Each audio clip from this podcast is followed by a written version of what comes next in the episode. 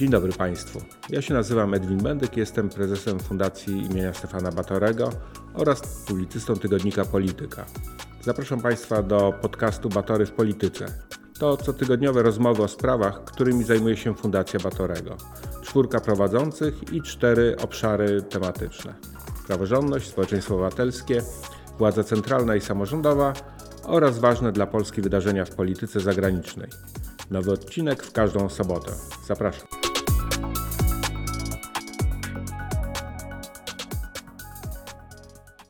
Dzień dobry, nazywam się Krzysztof Izdebski i zapraszam Państwa na kolejny odcinek podcastu Batory w Polityce. Fundacja Stefana Batorego organizuje drugą już edycję Nagrody imienia Marcina Króla. Jest ona przyznawana za najlepszą książkę z dziedziny historii idei i badań nad przyszłością, filozofii myśli społecznej i politycznej, refleksji nad cywilizacją i kulturą, wprowadzającą nowe idee, koncepcje czy sposoby myślenia. Jedną z książek finalistek jest publikacja Ostateczne rozwiązania ludobójcy i ich dzieło. Jej autorem jest mój dzisiejszy gość, Konstanty Gebert, tłumacz, dziennikarz, publicysta. I co jest również istotne dla naszej rozmowy, który w latach 1992-93 towarzyszył Tadeuszowi Mazowieckiemu jako specjalnemu wysłannikowi ONZ w byłej Jugosławii. Dzień dobry, dziękuję, że zgodziłeś się na tę rozmowę. Dziękuję za zaproszenie. Dzień dobry. Choć e, wobec bezmiaru ludzkiego cierpienia, które stoi za historiami, które przedstawiłeś w swojej książce, moje pytanie zabrzmi no nieco technicznie, prawniczo, mało empatycznie. Musimy chyba na początek odpowiedzieć e, sobie na to e, pytanie właśnie, które sam stawiasz w pierwszym zdaniu swojej książki. Co to jest ludobójstwo?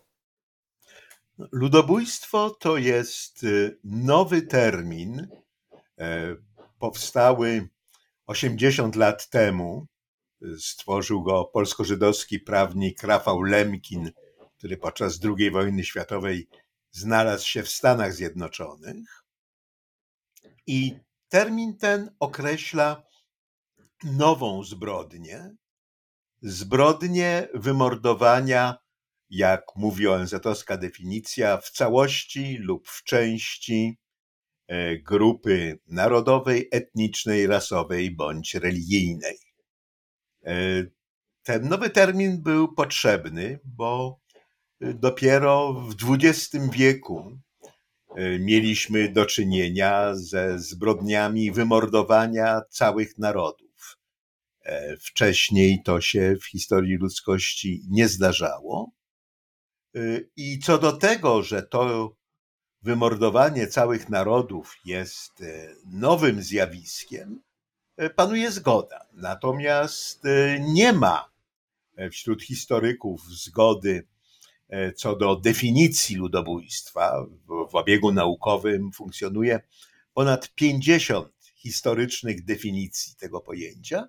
I dlatego ja się odwołuję do definicji prawnej, tej sformułowanej przez Lemkina, a następnie z pewnymi modyfikacjami E, przyjętej e, w ONZ-owskiej konwencji o zapobieganiu i ściganiu ludobójstwa, przyjętej jednomyślnie przez Zgromadzenie Ogólne e, w 1948 roku i następnie podpisanej przez wszystkie państwa członkowskie. Ta definicja, której fragment już zacytowałem, że są to czyny zbrodnicze, w tym w szczególności mordowanie, e, stwarzanie warunków, w których przetrwanie jest niemożliwe, e, przenoszenie dzieci z grupy ofiar do grupy prześladowców, e, działania mające na celu wymordowanie w całości lub w części grupy narodowej, etnicznej, rasowej bądź religijnej. Jako, że definicja jest prawnicza, tutaj każde słowo jest ważne. Ważne jest więc, że zbrodnie, które kwalifikują się jako ludobójstwo, y, są wymienione w definicji na liście niewyczerpującej, tak? To znaczy, że y, ludobójstwem mogą być też inne działania, które powodują skutek wymordowania w całości lub w części. Natomiast lista ofiar jest podana enumeratywnie, to znaczy jeżeli morduje się jakąś grupę, która nie jest grupą narodową, etniczną, rasową bądź religijną, to to się prawniczo nie kwalifikuje jako ludobójstwo. I to była największa zmiana przyjęta przez ONZ wobec pierwotnej definicji Lemkina, który na tej enumeratywnej liście uwzględnił także grupy społeczne i polityczne.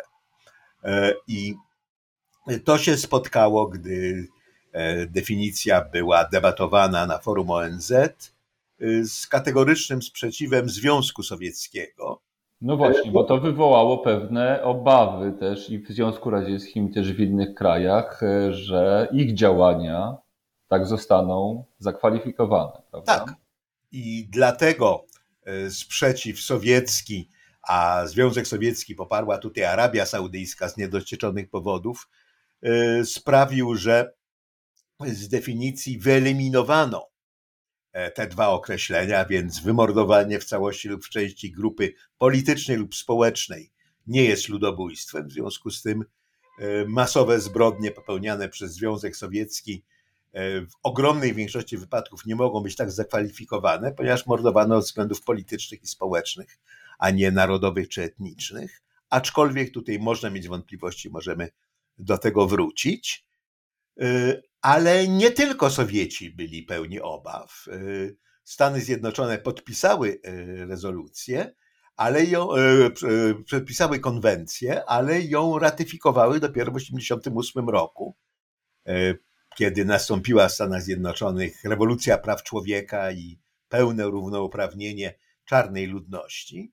I tym samym władze amerykańskie przestały się obawiać E, że można im także postawić zarzut ludobójstwa. Z kolei Wielka Brytania i Francja były w pełni świadome, że niektóre zbrodnie, które popełniały w swoich koloniach, mogłyby być tak zakwalifikowane, ale generalnie wszyscy uważali, że tutaj mowa o hitlerowskich Niemczech, że to jest po prostu kolejny międzynarodowy dokument, który ma popełnić, ma potępić zbrodnie III Rzeszy i w związku z tym nikt inny nie, nie musi się czuć wywołany do tablicy. No i trochę tak ironizując, przepraszam, że ci wejdę słowa, ironizując potem tą interpretację współczesną tego hasła powojennego już po zagładzie nigdy więcej e, wojny, czy w ogóle nigdy więcej, no to złośliwie mówi się, że chodziło wtedy o nigdy więcej akurat e, mordowania Żydów przez hitlerowskie Niemcy, a nie ma tego, nie dotyczy to e, innych przykładów ludobójstwa, prawda? No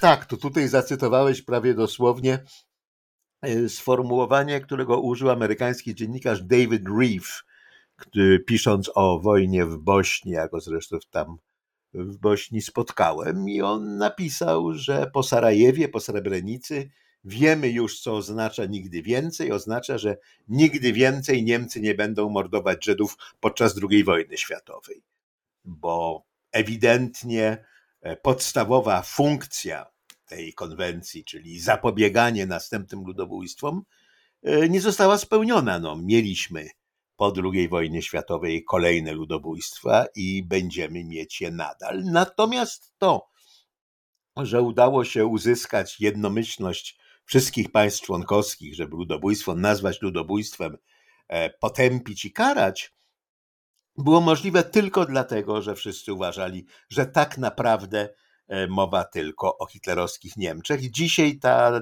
konwencja nie miałaby cienia szansy być ratyfikowaną, e, być przyjętą przez Zgromadzenie Ogólne, chyba że zawierałaby artykuł stanowiący, że nie mamy do czynienia ze zbrodnią, jeżeli E, czyny popełnia państwo członkowskie Organizacji Narodów Zjednoczonych, bo sporo państw członkowskich ma na sumieniu zbrodnie, które być może można by zakwalifikować jako ludobójstwa.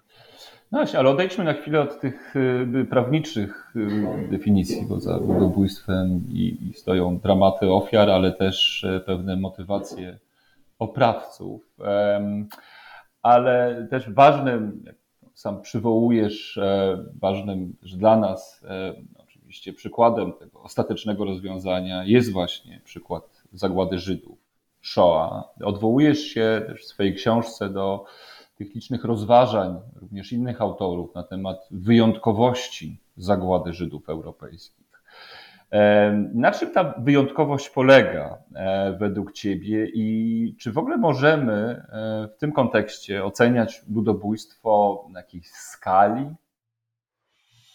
No, to jest y, fundamentalna kwestia, nie tylko prawnicza i historyczna, ale tak naprawdę filozoficzna i wręcz y, metafizyczna. Y, nie ulega cienia wątpliwości, że Shoah była zbrodnią bez precedensu w historii ludzkości. Nigdy wcześniej tak się nie zdarzyło, by jakieś wysoko rozwinięte państwo postanowiło wymordować jakiś naród w całości. E, I to naród, który nie stanowił dla tego państwa żadnego zagrożenia. E, wymordować go w imię lepszej przyszłości ludzkości. Tutaj nie działania członków tego narodu były powodem, by ich wymordować, ale samo ich istnienie, innymi słowy, urodzenie się Żydem miało automatycznie skazywać na śmierć. I to nie Zresztą, tylko... przepraszam, że ci wyjdę, bo to nie wiem, czy też e, słuchacze i słuchaczki wiedzą, zresztą e, takiej treści e, Żydowski Instytut Historyczny wydaje oświadczenia, czy takie dowody tego, potwierdzenia, że ktoś ma pochodzenie żydowskie, tak, że był skazany, że jego rodzina była właśnie jakby skazana na śmierć w tym czasie. No, to wynikało z y, decyzji podjętych na bazie ustaw norymberskich. Ustawy norymberskie określały w sposób prawniczy, kto jest Żydem, kto nie jest Żydem, zaś kierownictwo polityczne III Rzeszy podjęło decyzję, że ktoś, kto jest Żydem, nie ma prawa żyć. Y, I to, co jest znaczące, to jest to, że decyzja ta miała się rozciągać na całą planetę, nie tylko na terytoria e, pod militarną kontrolą III Rzeszy. Na konferencji w Wanzy e, wyliczono, ilu jest Żydów w Irlandii, e, wówczas neutralnej i nieuczestniczącej w wojnie, bo ich też trzeba przewidzieć do wymordowania, tylko odpowiednio później, kiedy będzie można mordować w Irlandii, rzecz jasna, planowano wymordowanie wszystkich Żydów w Wielkiej Brytanii po jej zdobyciu i w Stanach Zjednoczonych. Y, co więcej, y, zbrodni tej dokonało państwo, które y, w zgodnej opinii innych państw było pewnie najbardziej rozwiniętym państwem na planecie. A więc, jeżeli najbardziej rozwinięte państwo na planecie za cel wojenny postanowiło sobie wymordowanie narodu żydowskiego który z tym państwem przecież nie, nie toczył wojny, bo i nie mógł. E, I temu celowi podporządkowywało nawet cele wojenne w 1944 roku, kiedy tak bardzo potrzeba było Niemcom wagonów kolejowych, żeby transportować żołnierzy i sprzęt na obie linie frontu, na wschodzie i na zachodzie. I tak pierwszeństwo miało wywożenie węgierskich Żydów e, do Oświęcimia, by ich tam zamordować. E, w tym sensie zagłada była czymś, co się wydaje wyjątkowym, ale tutaj się zgadzam z Jehudą Bauerem, który też na początku uważał, że zagłada jest czymś wyjątkowym i nieporównywalnym z niczym innym. No to jest to stanowisko Eli Wiesela, który uważał, że zagłada to jest tremendum, o zagładzie nie można nic powiedzieć, bo jest poza obszarem naszego poznania i moralnego rozumowania. Ale Wiesel bardzo słusznie, e, przepraszam, Bauer bardzo słusznie zauważył, że w momencie, że to, że zagłada się zdarzyła, oznacza, że zdarzyć się może ponownie. A więc nie jest czymś wyjątkowym, jest czymś bezprecedensowym. I Dlatego uważam za uprawnione porównywanie zagłady z innymi ludobójstwami, pamiętając o specyfice każdego z ludobójstw. E, nie należy ich traktować tylko jako wariacji na temat. Każde ludobójstwo nie tylko w doświadczeniu jego ofiar, ale także w doświadczeniu historycznym miało inny przebieg, inny charakter. Ale też nie należy fetyszyzować cech dokonanej przez Niemcy zagłady. Jej przemysłowy charakter budzi nasze przerażenie. No, nigdy wcześniej ludzie nie budowali fabryk do zabijania innych ludzi, tak? E, ale dlatego zagłada była ludobójstwem przemysłowym, że Niemcy były wysoko rozwiniętym przemysłowym państwem. W Ruandzie zagłada miała charakter pospolitego ruszenia, zagłada Tutsich, bo Rwanda była krajem rolniczym, w którym obowiązywała jeszcze gospodarka ekstensywna, a nie intensywna. I tak jak większość rwandyjskich mężczyzn pracuje na roli, tak też większość rwandyjskich mężczyzn przystąpiła do ludobójstwa. A więc Niemcy i Rwanda realizowały e, cele ludobójcze, tak jak realizowały inne podstawowe cele ekonomiczne, tak?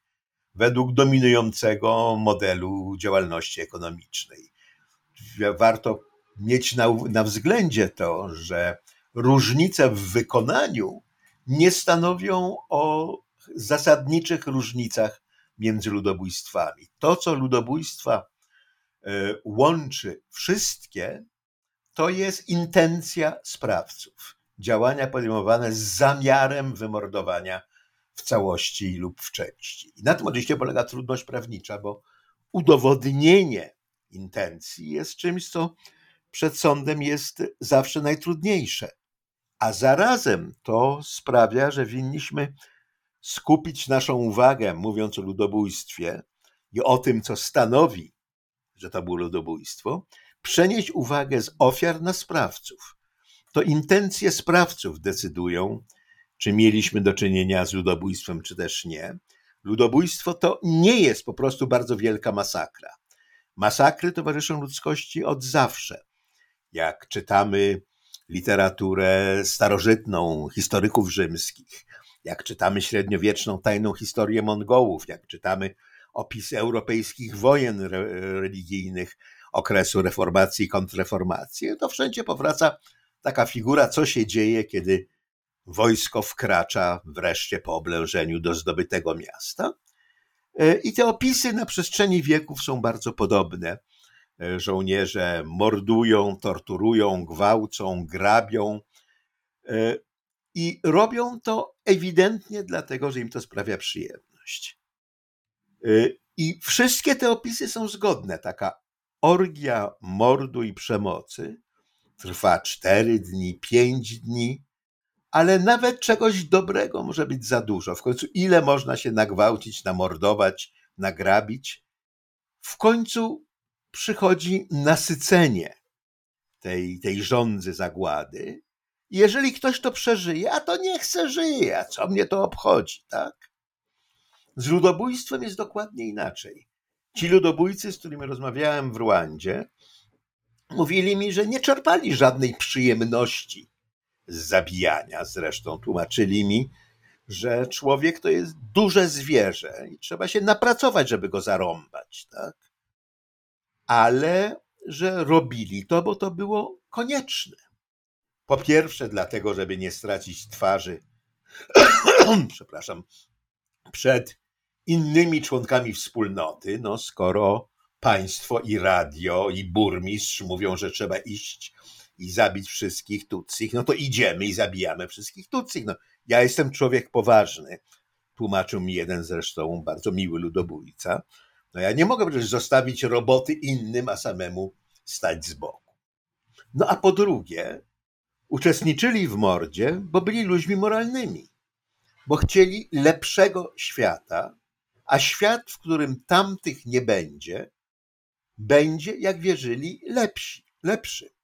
Hutu wierzyli, że świat bez Tutsi będzie lepszy, e, Niemcy, że świat bez Żydów i Romów będzie lepszy, Turcy, że świat bez Ormian i tak dalej, i tak dalej.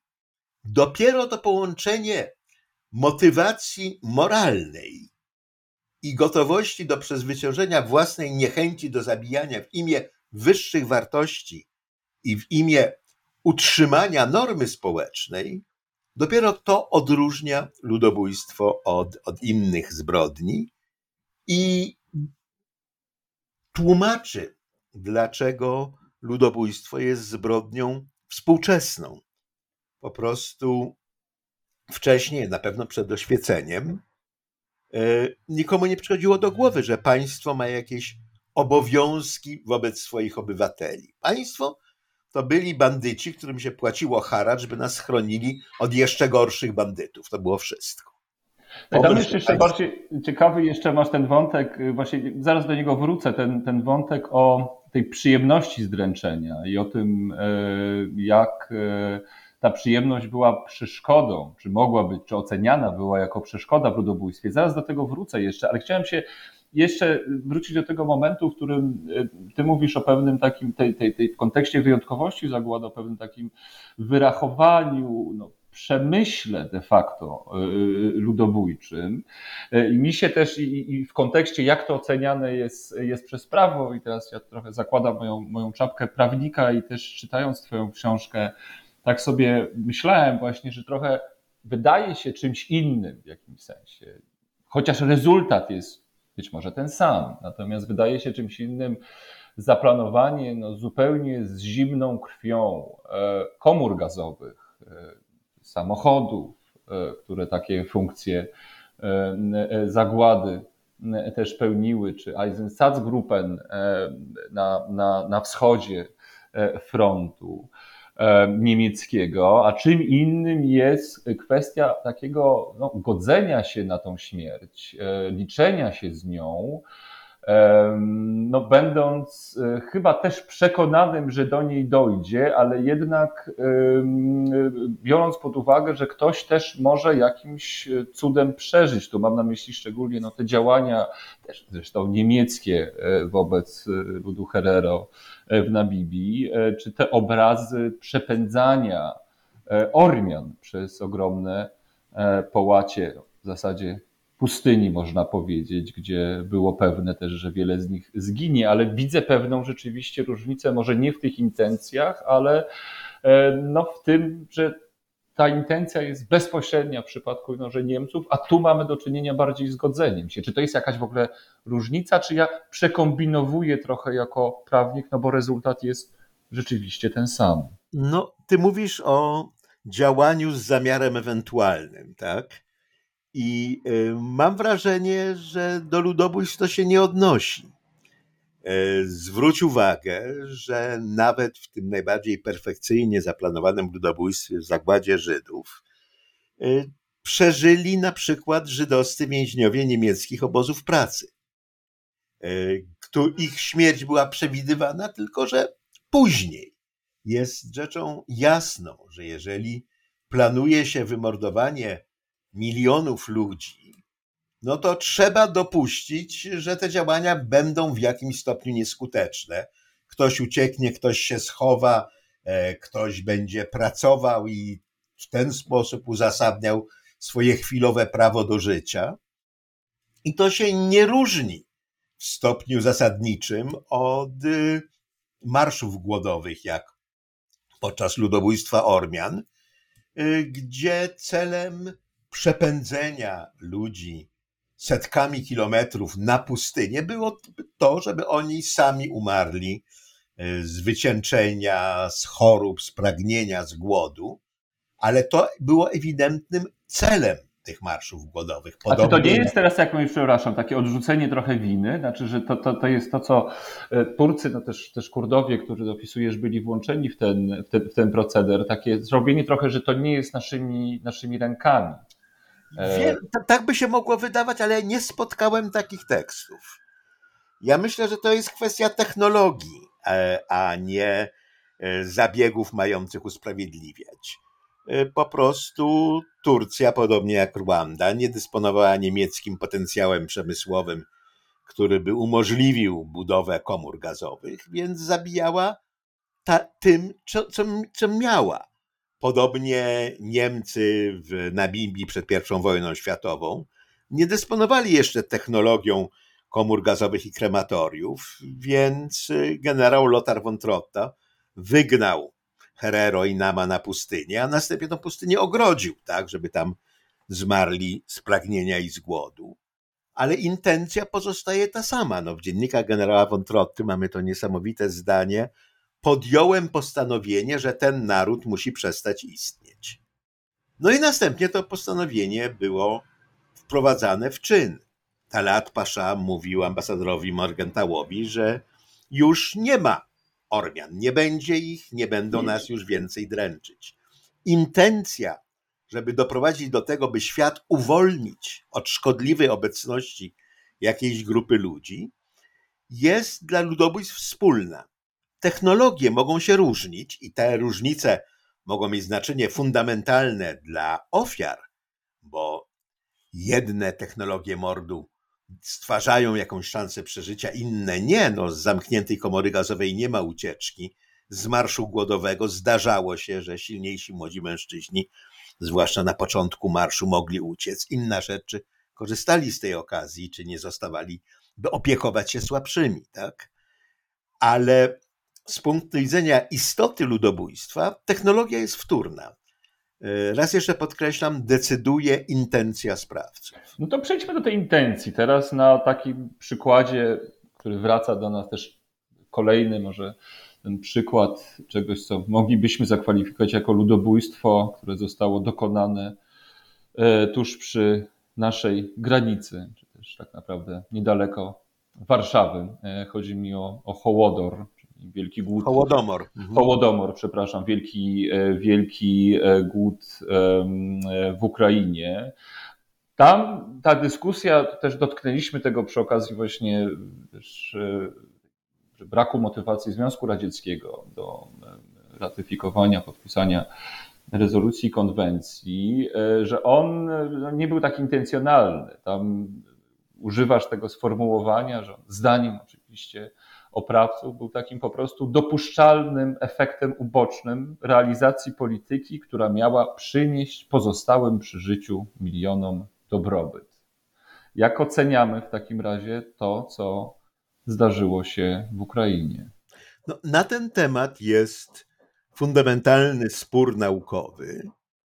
Y, fakty nie są debatowalne. E, polityka rolna wprowadzona przez sowieckie kierownictwo e, w 29 roku, y, zaowocowała masowym głodem wszędzie tam, gdzie była wprowadzana, a więc na Ukrainie, ale także na rosyjskim Powołżu, na Kubaniu, w Kazachstanie. I wszędzie z głodu umierały dziesiątki i setki tysięcy ludzi. Y, na skutek tej, tych katastrofalnych jej konsekwencji, y, ona została na pozostałych obszarach Związku Sowieckiego e, wydatnie, ona, polityka rolna, wydatnie zmodyfikowana właśnie, by zmniejszyć liczbę ofiar, tylko w Ukrainie przez następne dwa lata ją powtarzano. E, można by zakładać, że gdy wprowadzano tę politykę rolną, chodziło o to, by po prostu z ziemi wymusić jak największą e, ilość ziarna, które było jednym z nielicznych eksportowych towarów sowieckich, żeby za utrzymane dywizy kupować maszyny i w ten sposób umożliwić forsowną industrializację kraju. I że to była polityka stosowana wszędzie, bez względu na narodowość. Tyle tylko, że gdy się okazało, że ceną za to na przykład, że się nie zostawia chłopom ziarna siewnego, jest to, że nie ma czego zasiać, a więc głód, to z tej polityki na innych terytoriach sowieckich oprócz Ukrainy się wycofano. I pytanie teraz brzmi, y, dlaczego y, Stalin był gotów wymordować ukraińskich chłopów? E, bo że był gotów, to jest oczywiste, skoro zmienił politykę na innych obszarach Związku Sowieckiego, a w Ukrainie nie.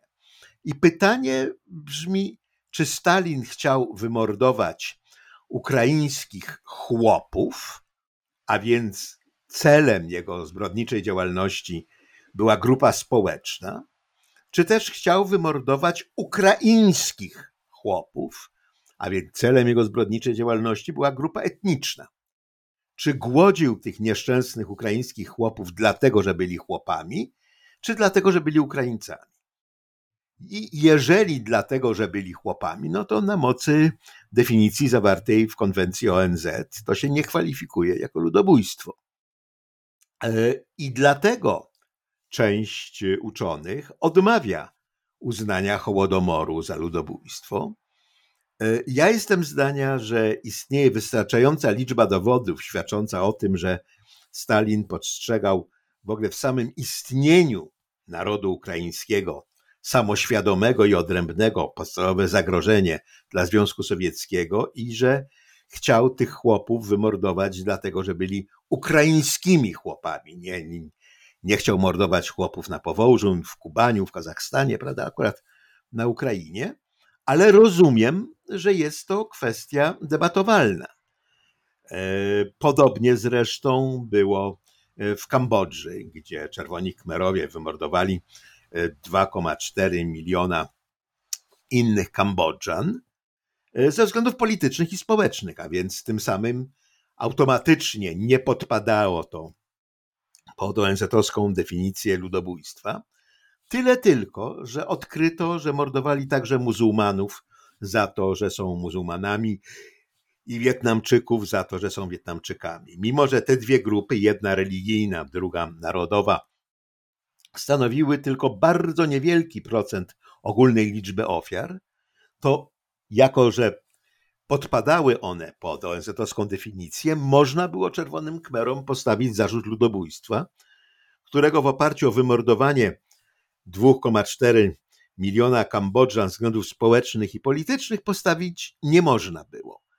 E, tutaj widzimy, jak fundamentalne znaczenie odgrywa intencja sprawców w kontekście definicji prawniczej. Oczywiście funkcjonują definicje e, historyczne, e, które nie przywiązują takiej wagi do intencji sprawców, bardziej się skupiają na efektach ich działań, ale ta z konwencji ONZ-owskiej jest jedyną, która funkcjonuje w międzynarodowym obiegu prawnym i jedyną, na mocy której skazywano ludobójców. Dlatego, mimo jej wszystkich jej niedoskonałości, ja jestem zdania, że należy jej się trzymać nie tylko e, w procesach karnych, ale także i w historycznej analizie tego, czym jest ludobójstwo. No i też mówiąc o tych intencjach, pewnym takim wyrachowaniu czy no, podejściu z zimną krwią oprawców, wróćmy do tej kwestii e, właśnie, że ludobójcy nie są powodowani przyjemnością zdręczenia, e, jak, jak piszesz. Znaczy, wydaje się, że E, zdaniem szczególnie tych osób, które kierowały czy kierują ludobójstwem, te emocje po prostu psują efekt w jakimś sensie i też przywołujesz takie słynne, że jak piszesz po jakimś czasie dopiero wystąpienie Himmlera 43 roku, który właśnie... 43. 40, przepraszam, powiedziałem 33, 43 oczywiście, czyli no już wtedy, kiedy ta machina ludobójcza jest, jest rozpędzona, już miliony już wtedy giną. E, ale on przekonuje wtedy wysokich rangą SS-manów, e, żeby właśnie wobec tych swoich wrogów, jak ich nazywa, no nie kierowali się tymi żadnymi emocjami, że oni nie mogą mieć tych emocji. Jakby trochę obawiał się, że emocje wywołają też z kolei takie emocje i negatywne też dotyczące, o czym mówiłeś, takiej przyjemności zręczenia, ale one de facto no, spowodują też być może jakąś empatię. E, właśnie jakbyś mógł więcej wyjaśnić pod tym względem. Wydaje mi się też bardzo ciekawy wątek, taki poznania trochę natury ludobójcy, czy osób, które w ludobójstwie jako oprawcy biorą udział. No, Himmler to zrobił dużo lepiej niż ja bym potrafił. E, podkreślał on e, konieczność właśnie bezemocjonalnego, racjonalnego podejścia do ludobójstwa, zwracając uwagę na inne zagrożenie niż to, które ty wymieniłeś, mianowicie na groźbę korupcji. Bo jeżeli pozwolimy ludobójcom czerpać przyjemność z tego, co robią, no to będą też chcieli czerpać korzyści. A przecież, cytuję tutaj dosłownie Himmlera, nie zabraliśmy im, czyli wymordowanym Żydom, ani feniga. E, to nie znaczy, że Niemcy nie grabili żydowskiego mienia, ale grabili je nie dla siebie prywatnie, tylko dla III Rzeszy. I Himmler mówi, i rzeczywiście są na to historyczne dowody, że było kilka przypadków, kiedy oficerowie SS stawali przed y, sądem polowym za grabież żydowskiego mienia na własną rękę, no bo oni ograbiali trzecią Rzeszę. Żyd nie ma prawa do życia, więc a fortiorni nie ma prawa do własności. Jego wła- ta, to, czym on, czego on używa, jest przecież własnością trzeciej Rzeszy. Więc jeżeli ktoś kradnie Żydowi papierośnicę, no to kradnie ją trzeciej Rzeszy. Tak? Drugie ryzyko to jest to ryzyko, o którym ty wspomniałeś, ryzyko empatii. Ale trzecie ryzyko, które mi się wydaje najważniejsze, to jest takie, no jeżeli ludobójca morduje, bo mu to sprawia przyjemność, no to jak mu przestanie sprawiać przyjemność, to przestanie mordować, tak? E, a to jest przecież działanie zakrojone nie na dni, ale na lata. A wiemy z tych wszystkich opisów e, zbrodni popełnianych przy zdobywaniu miast, że kilka dni wystarczy, e, żeby zaspokoić mordercze żądze, jakie najwyraźniej drzemią, przynajmniej w części z nas. No i potem co? I potem trzeba czekać, aż znowu się ludobójcom zachce? No nie, no tak się nie prowadzi ludobójstwa, jak, jak mówił Jean Damascene, ja jestem człowiek poważny, no to jeżeli jest robota do wykonania, e, to trzeba ją wykonać w całości, a nie kierować się jakimiś e, emocjonalnymi preferencjami, bo w ten sposób się nie wymorduje milionów ludzi. Dlatego też oczywiście e, ci, którzy lubią mordować, są w ludobójstwie niezbędni, E, no bo nauczą innych, e, będą zmotywowani i tak dalej, ale nie można na nich polegać. Polegać należy na ludziach moralnych, którzy gotowi są wykonywać nawet nieprzyjemną robotę, jeżeli uznają, że jest ona słuszna i służy moralnemu celowi, czyli lepszej przyszłości narodu bądź ludzkości. I ci dokonują ludobójstwa, nie sadyści. No skoro o emocjach i postawach, to też wspominasz e, w swojej książce, ale też e, mamy różne dyskusje, czy w kontekście chociażby sprawiedliwych e, wśród narodów świata i też nie przykład dyskusji wokół roli na przykład Oskara Schindlera z takich może bardziej popularnych, popularnych historii, ale że są osoby, głównie jednostki czy jakieś małe grupy, które jednak decydują się z tą empatią jakoś wyjść, czy na bieżąco pomagać osobom, które, jak powiedziałeś, zostały skazane na śmierć w którymś momencie, e, czy dokumentując te zbrodnie, czy wreszcie próbując e, dochodzić sprawiedliwości. E, no nie mogę nie zadać pytania, dlaczego jednak były to jednostki i grupy według Ciebie? Znaczy, co powoduje to, że tak trudno było się temu oprzeć, albo tak trudno było z pewnej bierności obserwacji wyjść.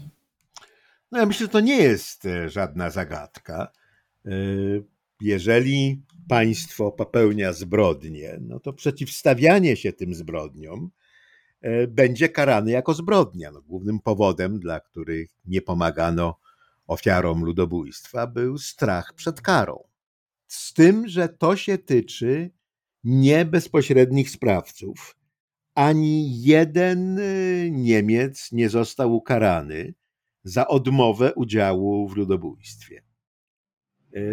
Ta opcja zawsze istniała. Każdy mógł powiedzieć: Ja w tym nie będę brał udziału. Y, no jego kariera wojskowa czy SS-mańska prawdopodobnie tu by się skończyła i groziła mu utrata twarzy wokół koleg wobec kolegów ale nikogo nie rozstrzeliwano za to, że nie mordował. E, tutaj bardziej działa mechanizm presji grupowej, e, a do tego, żeby mechanizm presji grupowej mógł zadziałać, to grupa musi się wypowiedzieć. Grupa zwolenników ludobójstwa ma w zbrodniczym państwu pełną swobodę działania i mówienia. Grupa przeciwników ludobójstwa no musi się z tym skrywać z powodów oczywistych, o których już wspomniałem. Ale myślę, że najważniejszym powodem, dla którego tak trudno jest się przeciwstawić ludobójstwu, jest to, że ludobójstwo po pierwsze jest częścią całego pakietu działań, e, znowu trzymając się niemieckiego przykładu. E, Hitler nie tylko mordował Żydów, ale także budował autostrady, Volkswageny, radio w każdym domu, e, przestrzeń życiowa dla Niemiec. No, w związku z tym przeciwstawienie się akurat ludobójstwu mogło być postrzegane jako sabotaż no, bardzo korzystnego dla narodu to było też tak odbierane jako ten efekt uboczny po prostu, tak? tak. o którym mówiliśmy przy okazji. E, w dodatku e, to nie jest tak, jak, jak się czasem to po wojnie tłumaczyło, że Niemcy nie wiedzieli. Wiedzieli. Całe wojsko, które służyło na wschodzie, pisało do domu, robiło zdjęcia, mimo że nie wolno było, te zdjęcia wysyłano w listach. Żołnierze wracali na przepustki, zresztą tam, gdzie mamy dokumentację ich pobytu w Niemczech, no to oni głównie mówili, że cywile nie chcą słuchać o tym, co my musimy robić na wschodzie. Więc to nie jest to, że Niemcy nie wiedzieli. Niemcy nie chcieli wiedzieć, ale każdy, kto chciał wiedzieć, mógł. I tym, co sprawia, że ludzie się podporządkowują ludobójstwu, jest założenie, że e, państwu można zaufać, tak? że państwo generalnie przecież no, troczy, troszczy się o dobro powszechne, a zwłaszcza państwo, które miało no, takie sukcesy jak trzecia Rzesza Hitlera przez pierwszych 10 lat swojego istnienia, która empirycznie udowodniła, że narodowi niemieckiemu pod władzą hitlerowców jest lepiej, e, no to państwo zasługuje na zaufanie, jeżeli państwo uważa, że e, świat będzie lepszy bez Żydów czy bez Tutsich, y, no to widocznie państwo wie, co mówi. Wracając jeszcze do Twojego argumentu o, o emocjach, jest taki słynny pasus z Mein Kampf, gdzie Hitler się oburza na niemiecki antysemityzm, bo jest emocjonalny, nacechowany nienawiścią. A przecież, mówi Hitler, y, to w ogóle nie powinna być sprawa emocji, tylko racjonalności myślenia. Lekarz, który leczy chorego na gruźlicę pacjenta, nie ma przecież nienawiści do prądków gruźlicy. No stąd też odwołania, zresztą to, to jest jeden e, z tytułów e, e, twojego, twojej, twojej książki, te wirusy, tak? Tak. Tak, odczłowieczanie to też no prawda, tak, tak no tak. Bez odczłowieczania ludobójstwo nie jest możliwe.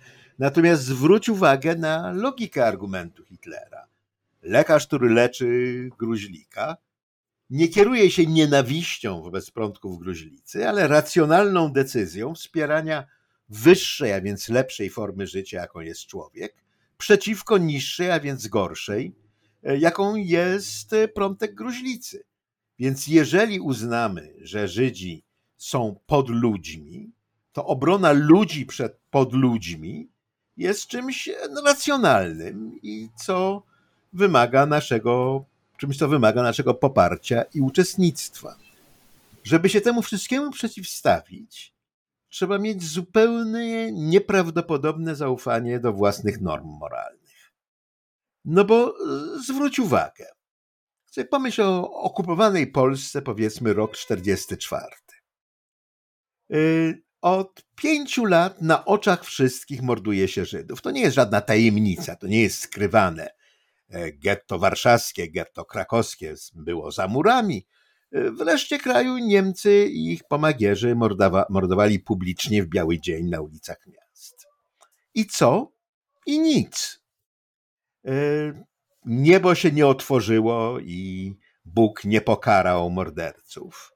Nawet Kościół katolicki nie zabrał przecież stanowiska. Mało tego, alianci zachodni od 1944 roku mogli zbombardować Oświęcim, bo zdobyli północne Włochy, więc ich samoloty mogły startować z Aviano, powiedzmy, e, zbombardować Oświęcim i wrócić do bazy. I istotnie alianckie bombowce nadlatywały nad Oświęcim, o czym pisze Primo Levi w Czy to jest człowiek, przelatywały nad Oświęcimiem i leciały zbombardować fabrykę chemiczną w Monowicach, czyli Oświęcim V, ale ani jedna bomba nie spadła na komory gazowe, na krematorium, na linię kolejową. Sowieci o Treblince wiedzieli wcześniej, już w 1943 roku mogli zbombardować Treblinkę. Nie zbombardowali.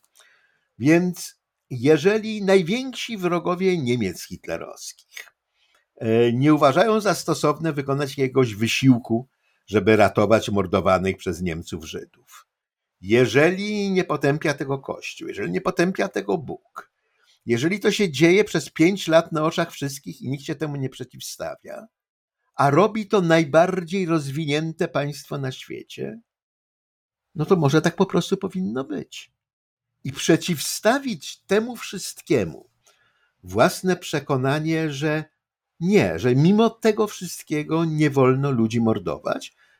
E, I nie dosyć, że przeciwstawić, ale jeszcze zadziałać w związku z tym, no to jest akt heroizmu. I, i, I naprawdę nie można tego heroizmu od naszych bliźnich żądać i cieszmy się, że sami nie zostaliśmy sprawdzeni. No jak, jak Szymborska napisała, wiemy o sobie tyle, ile zostaliśmy sprawdzeni. Cieszmy się, że nie zostaliśmy. No tu już przechodząc trochę do wątku może takiej nie wiem, przyszłości tego, co, czego nas to, to nauczyło, też no, nie możemy nie wspomnieć może tu akurat o tym, o tym w swojej książce szeroko nie piszesz, ale e, mnie by bardzo interesowała Twoja opinia na ten temat, bo wiele osób e, zwraca uwagę, że ten rozwój, tak nazwijmy to, nowych technologii czy, czy, czy jakichś efektów, które są z nimi związane, jak dezinformacja, sztuczna inteligencja, niektórzy nawet mówią, że to będzie jakiś Armagedon e, z tym, z tym związany. Czy to rzeczywiście jest też takim zagrożeniem, dla tego, żeby te sytuacje, do których dochodziło w przeszłości, które kwalifikujemy jako ludobójstwo, powtarzały się no i częściej y, i na większą skalę, bo wydaje się, tak jak wspominałeś, właśnie porównując chociażby e, zagładę Organ a e, zagładę Żydów europejskich, e, to, że te kwestie technologii też mają znaczenie. Ale czy ty się obawiasz właśnie, że to, to się jakoś jakoś zmieni, no też pamiętając chociażby no, kwestię tego, że w Rwandzie wystarczyło do tego radio, żeby to wspomóc, czy audycje radiowe, no ale już e, w przypadku Myanmaru e, internet y, odegrał jakąś, czy media społecznościowe odegrało jakąś rolę pomocniczą. Czy to cię martwi w ogóle? Boisz się tego? E, znaczy, na pewno jest tak, że technologia może ułatwić mordercom zadanie, ale to nie jest problem technologiczny. W Rwandzie w ciągu sześciu tygodni zamordowano przynajmniej 800 tysięcy ludzi maczetami. To jest wydajność, jakiej nigdy nie osiągnęły niemieckie komory gazowe, mimo że były produktem wysokiej technologii w odróżnieniu od maczet. Więc rzecz nie jest technologiach, tylko w ludziach, którzy się tą technologią posługują. E, I tutaj chciałbym przywołać przykład, który cytuję zresztą w mojej książce, e, z raportu generała Romeo Dallaire, który był dowódcą wojsk ONZ w Rwandzie i któremu nie pozwolono zapobiec ludobójstwu. Książka zatytułowana Ściskałem rękę diabła wyszła też po polsku. Jeżeli chcecie Państwo się dowiedzieć, jak, jak się dokonuje ludobójstwa, to, to radzę przeczytać tę książkę. Otóż Dallaire pisze, że y, w lutym 94 y, zaczęły napływać informacje, że Ministerstwo Oświaty rozesłało do nauczycieli okulnik, którym nakazuje im sporządzenie listy uczniów Tutsi, Hutu i Tła chodzących do klas, których nauczają. E, I pisze Dallaire, no wydawało nam się to dziwne, ale tyle się działo, nie zwróciliśmy uwagi. Ludobójstwo zaczęło się dwa miesiące później. E, I tak próbuję sobie wyobrazić, że ja jestem takim rwandyjskim nauczycielem i dostaję ten okulnik. Mówię, no kretyński okulnik, kretyński. A co, pierwszy kretyński okulnik z ministerstwa? A zresztą może to nawet jest jakiś sens. No może na przykład chcą sprawdzić e, efekty edukacyjne w różnych grupach. Jeżeli się okaże, że w którejś jest gorzej, no to trzeba podjąć jakieś dodatkowe działania e, skupione na tej grupie właśnie. A zresztą co, mają prawo pytać? Mają prawo. No to napiszę. I zakładam, że znakomita większość rwandyjskich nauczycieli wywiązała się z tego obowiązku. E, to, czego nie wiedzieli, to jest to, że sporządzali listy do mordowania, bo e, Tutsi i Hutu e, czasem bardzo się różnią wyglądem i można ich rozpoznać na ulicy. Tak jak w Polsce bywają ludzie, którzy wyglądają z pańska i ludzie, którzy wyglądają z chłopska, prawda? Ale znakomita większość nas, czy to w Polsce czy w Rwandzie nie wyglądamy ani tak, ani siak i po twarzy i posturze trudno rozpoznać kto zacz. E, dlatego też e, na e, posterunkach kontrolnych sprawdzano dokumenty. Rwandyjczycy mieli wpisane do dokumentów osobistych przynależność grupową. No jeżeli ktoś miał wpisane Tutsi, to był mordowany na miejscu. A jeżeli nie miał dokumentu, to też był mordowany na miejscu, bo tylko Tutsi nie pokazałby dokumentów, prawda? E, ale dokumenty się dostawało w wieku 18 lat, przy pełnoletności. Dzieci nie miały dokumentów. No i ci nauczyciele sporządzali listy do mordowania. I z tymi listami w ręku interahaume wchodziły do klas i mordowały według listy. E, więc ja sobie wyobrażam takiego rwandyjskiego nauczyciela, który powie, a nie cholera, a nic im nie dam, dopóki mnie nie przekonają, że to jest uzasadnione, uprawnione i bezpieczne. Jak mnie przekonają, to im zrobię taką listę. Jak nie, to nie. No i wszyscy znamy takich ludzi. No nie można z nimi pracować. Tak? Takich ludzi pozbywa się każda racjonalnie zorganizowana organizacja czy instytucja, bo nie jest możliwe funkcjonowanie organizacji na zasadzie, że kierownictwo za każdym razem musi przekonywać podwładnych do słuszności swoich decyzji. No ale tu jest jeszcze, przepraszam, znowu ci wchodzę w słowo, ale tu jest jeszcze wątek, nie, nie mogę się powstrzymać od tego, bo tu jest jeszcze wątek no, szeroko e, e, cytowanych przecież, e, e przecież słów, które e, właśnie też pa, padły, zresztą w Auschwitz przy okazji E, rocznicy, że kolejnej rocznicy, e, że ważne, żeby zrozumieć te sygnały, tak, że Auschwitz nie spadł z nieba, tylko tupał, dreptał małymi kroczkami, zbliżał się. E, masz rację, ale mimo to chciałbym dokończyć tę myśl, bo wydaje mi się ona ważna. A, a, a potem, jeżeli chcesz, możemy wrócić do wczesnych zwiastunów ludobójstwa. Otóż to, co mi chodzi, to jest to, żeby pokazać, że jedyna właściwie cecha, która chroni przed udziałem, choćby nieświadomym, choćby biernym w ludobójstwie, to jest warcholstwo, tak? To jest nie, nie danie instancji wyższej prawa do mówienia mi, co mam robić. Niesubordynacja po prostu. Tak? tak. I dlatego takich ludzi instytucje się pozbywają i wszyscy oddychamy wtedy z ulgą, bo z nimi naprawdę nie da się pracować. No tyle tylko, że to są ci ludzie, którzy y, w sytuacji, kiedy instytucje popełniają zbrodnie, y, stają się y, jedyną zaporą przeciwko powszechnemu w tych, tych zbrodniach udziałowi. I na tym polega ryzyko, jakie jako, no jako cywilizacja podejmujemy że wszystko to, co jest potrzebne do dokonania ludobójstwa, już jest, tak?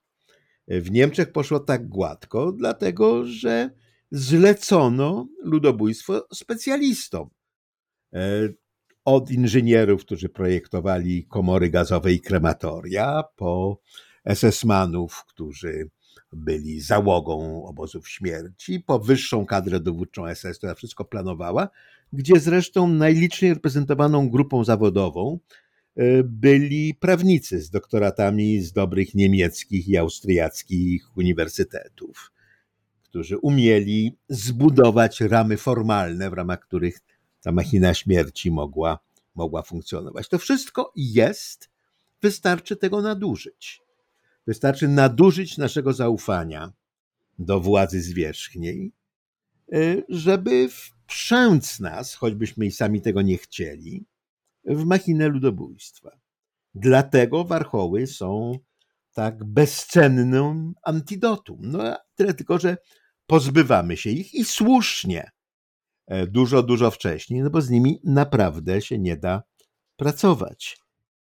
A warchoły mają do siebie to, że mają tę jedną cechę, którą e, widziałem u sprawiedliwych wśród narodów świata. Ja miałem ten zaszczyt, że e, znałem trochę polskich sprawiedliwych i jako, że jestem z wykształcenia psychologii, musiałem tworzyć taki ogólny portret psychologiczny sprawiedliwego i to kompletnie nie wychodziło. No nie było żadnych cech wspólnych psychologicznych e, ani socjologicznych. To mogli być ludzie bardzo prości, profesorowie, e, to mogli być bojowi komuniści, fanatyczni katolicy, no wszystko.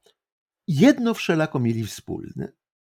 Niezdolność do tego, by dać się przekonać, że to nie ich sprawa. Po prostu nie umieli nie reagować na zło. To oczywiście znaczy, że znakomita większość z nich została usunięta z instytucji, gdzie mogliby się przeciwstawiać już dużo wcześniej, zanim zdarzyło się ludobójstwo, a także no, taka nieumiejętność y, przejścia obok zła jest y, bardzo złym prognostykiem dla szans życiowych. Tak? tak takich ludzi się zabija. Y, ale ci, którzy przeżyli, nadal kiedy widzieli zło, to reagowali i pomagali jego ofiarom, wbrew sobie czasem. Pamiętam dłuższą rozmowę ze starszym panem, który potem kazał mi przysiąc, że nigdy nie wymienię jego nazwiska, a on już nie żyje, więc nie może mnie zwolnić z tej przysięgi. On jako kilkunastoletni chłopak pomagał swojej mamie ratować e, rodzinę żydowskich sąsiadów. I on mi mówi, e, panie Kostku, ja panu powiem, bo pan to mnie pewnie źle nie zrozumie. Ja tych Żydów nawet nie lubię, no, ale to nie o to chodzi. I właśnie o to chodzi, że to nie o to chodzi. Że decyzja, by przeciwstawić się złu, nie powinna zależeć od naszego emocjonalnego stosunku do ofiar zła, tylko od naszego racjonalnego stosunku wobec zła. Świadomości, że zło zagraża nam wszystkim i dlatego trzeba być czujnym. Dlatego tak, trzeba zwracać uwagę na wczesne oznaki zapowiadające możliwość ludobójstwa i taką wczesną oznaką zawsze jest dehumanizacja. Innymi słowy, jeżeli się porównuje ludzi do wirusów, pasożytów, a jeżeli się mówi, że mogą być nosicielami wirusów i pasożytów, które dla nich są niegroźne, ale są śmiertelne dla ludności, wśród której się obracają, no to to jest przygotowanie gruntu pod ludobójstwo. Oczywiście w znakomitej większości wypadków to się dzięki Bogu ludobójstwem nie kończy ale każde ludobójstwo zaczyna się od dehumanizacji, no choćby po to, że można się było posłużyć tą medyczną metaforą, którą się Hitler posługiwał. I dlatego nie może być zgody na dehumanizację kogokolwiek w dyskursie publicznym, bo to jest zawsze pierwszy krok do ludobójstwa, na ogół niewystarczający, ale zawsze konieczny. Tu piszesz, niestety już musimy kończyć, więc też trochę w kontekście przyszłości może, ale też tej obojętności, czy nie bycia obojętnym. E, piszesz, tu cytuję, Srebrenica nas dotyczy dlatego, że jesteśmy, obywatele demokratycznych państw świata, współodpowiedzialni za jej los, a dokonane tam ludobójstwo, jak każde ludobójstwo, zagraża każdemu z nas. Co to tak naprawdę dla nas oznacza? Jakie czy w ogóle mamy obowiązki w związku z tym, co, nie wiem, ja, państwo, którzy nas słuchają, mogą zrobić, słysząc o tym, co rząd chiński robi Ujgurom na przykład? No, mamy po pierwsze obowiązek wiedzieć. E, żyjemy w globalnej wiosce i naprawdę informacja jest w zasięgu ręki. Trzeba tylko tą ręką sięgnąć. Ona sama nie sięgnie i nikt z zewnątrz nam w rękę tej informacji nie włoży. Musimy sami po tą informację sięgać, a robimy to niechętnie, bo mamy obawę, że to nas może do czegoś zobowiązywać.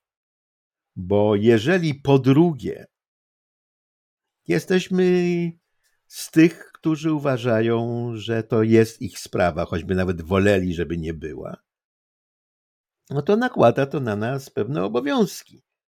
Y, na przykład zabieranie głosu w debacie publicznej i mówienie, że chcemy, żeby władze naszego państwa y, podnosiły kwestie ludobójstwa Ujgurów na arenie międzynarodowej, nawet jeżeli my może nas to kosztować tanie chińskie smartfony, które Chiny przestaną nam sprzedawać. Y, nie dlatego y, ludobójstwo dokonuje się wśród obojętności, że ludzie są podni, wredni albo źli, tylko dlatego, że w naszym szacunku zysków i strat utrata taniego smartfona waży dużo więcej niż utrata życia przez kogoś na drugim końcu planety. E, ten e, system wartości należy podważyć.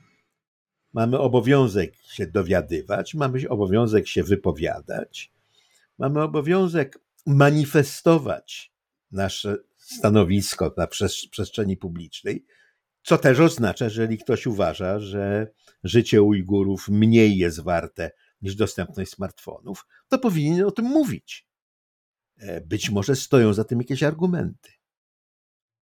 I nie mamy co się dziwić, jeżeli odmawiamy innym naszej solidarności, że i nam ona zostanie odmówiona. E, Polska przez lata systematycznie bojkotowała wszystkie unijne próby rozwiązania problemu uchodźców na szczeblu Unii. A naprawdę, no, w, w roku największego napływu uchodźców było ich niecały milion. E, rozlokowanie ich w 500 milionowej Unii nie powinno być problemem, jeżeli 80-milionowa Turcja potrafiła przyjąć 4 miliony syryjskich uchodźców. Ale Polska odmawiała reszcie Europy swojej solidarności, uważając, że my po prostu nie chcemy uchodźców i cześć i niech się inni martwią. Po czym wybuchła oburzeniem, kiedy Europa nie okazała nam wystarczającej, naszym zdaniem, solidarności w kwestii przyjmowania uchodźców z Ukrainy mimo że ta solidarność nam została okazana, tylko oczekiwalibyśmy jeszcze więcej. E, I to jest naprawdę bardzo prosta transakcja wiązana. E, jeżeli czynnie okazujemy solidarność innym, zwiększamy prawdopodobieństwo, że nam czynna solidarność zostanie okazana w momencie, kiedy my będziemy w potrzebie. To nie jest oczywiście gwarancja, gwarancji nikt nie daje, ale nieokazanie solidarności niemal gwarantuje, że nam też solidarność nie zostanie okazana. To jak w ekonomii, gorszy pieniądz wypiera lepszy. Więc mamy jako obywatele państw demokratycznych obowiązek produkować lepszy pieniądz. Dbać o to, żeby ten pieniądz w stosunkach międzynarodowych nie ulegał zepsuciu płacić rzetelną monetą, a tą rzetelną monetą jest odpowiedzialność i solidarność. To są strasznie wyświechtane slogany, ale niczego lepszego jeszcze ludzkość nie wymyśliła. Bardzo dziękuję. E, musimy e, kończyć naszym gościem, moim gościem w podcaście Batory w polityce był Konstanty Gebert, tłumacz, dziennikarz, publicysta, psycholog który jest e, autorem publikacji Ostateczne rozwiązania, Ludobójcy i ich dzieło, książki, finalistki e, nagrody imienia Marcina Króla Fundacji Stefana Batorego. Bardzo dziękuję Ci za tą rozmowę. Dziękuję Państwu za uwagę.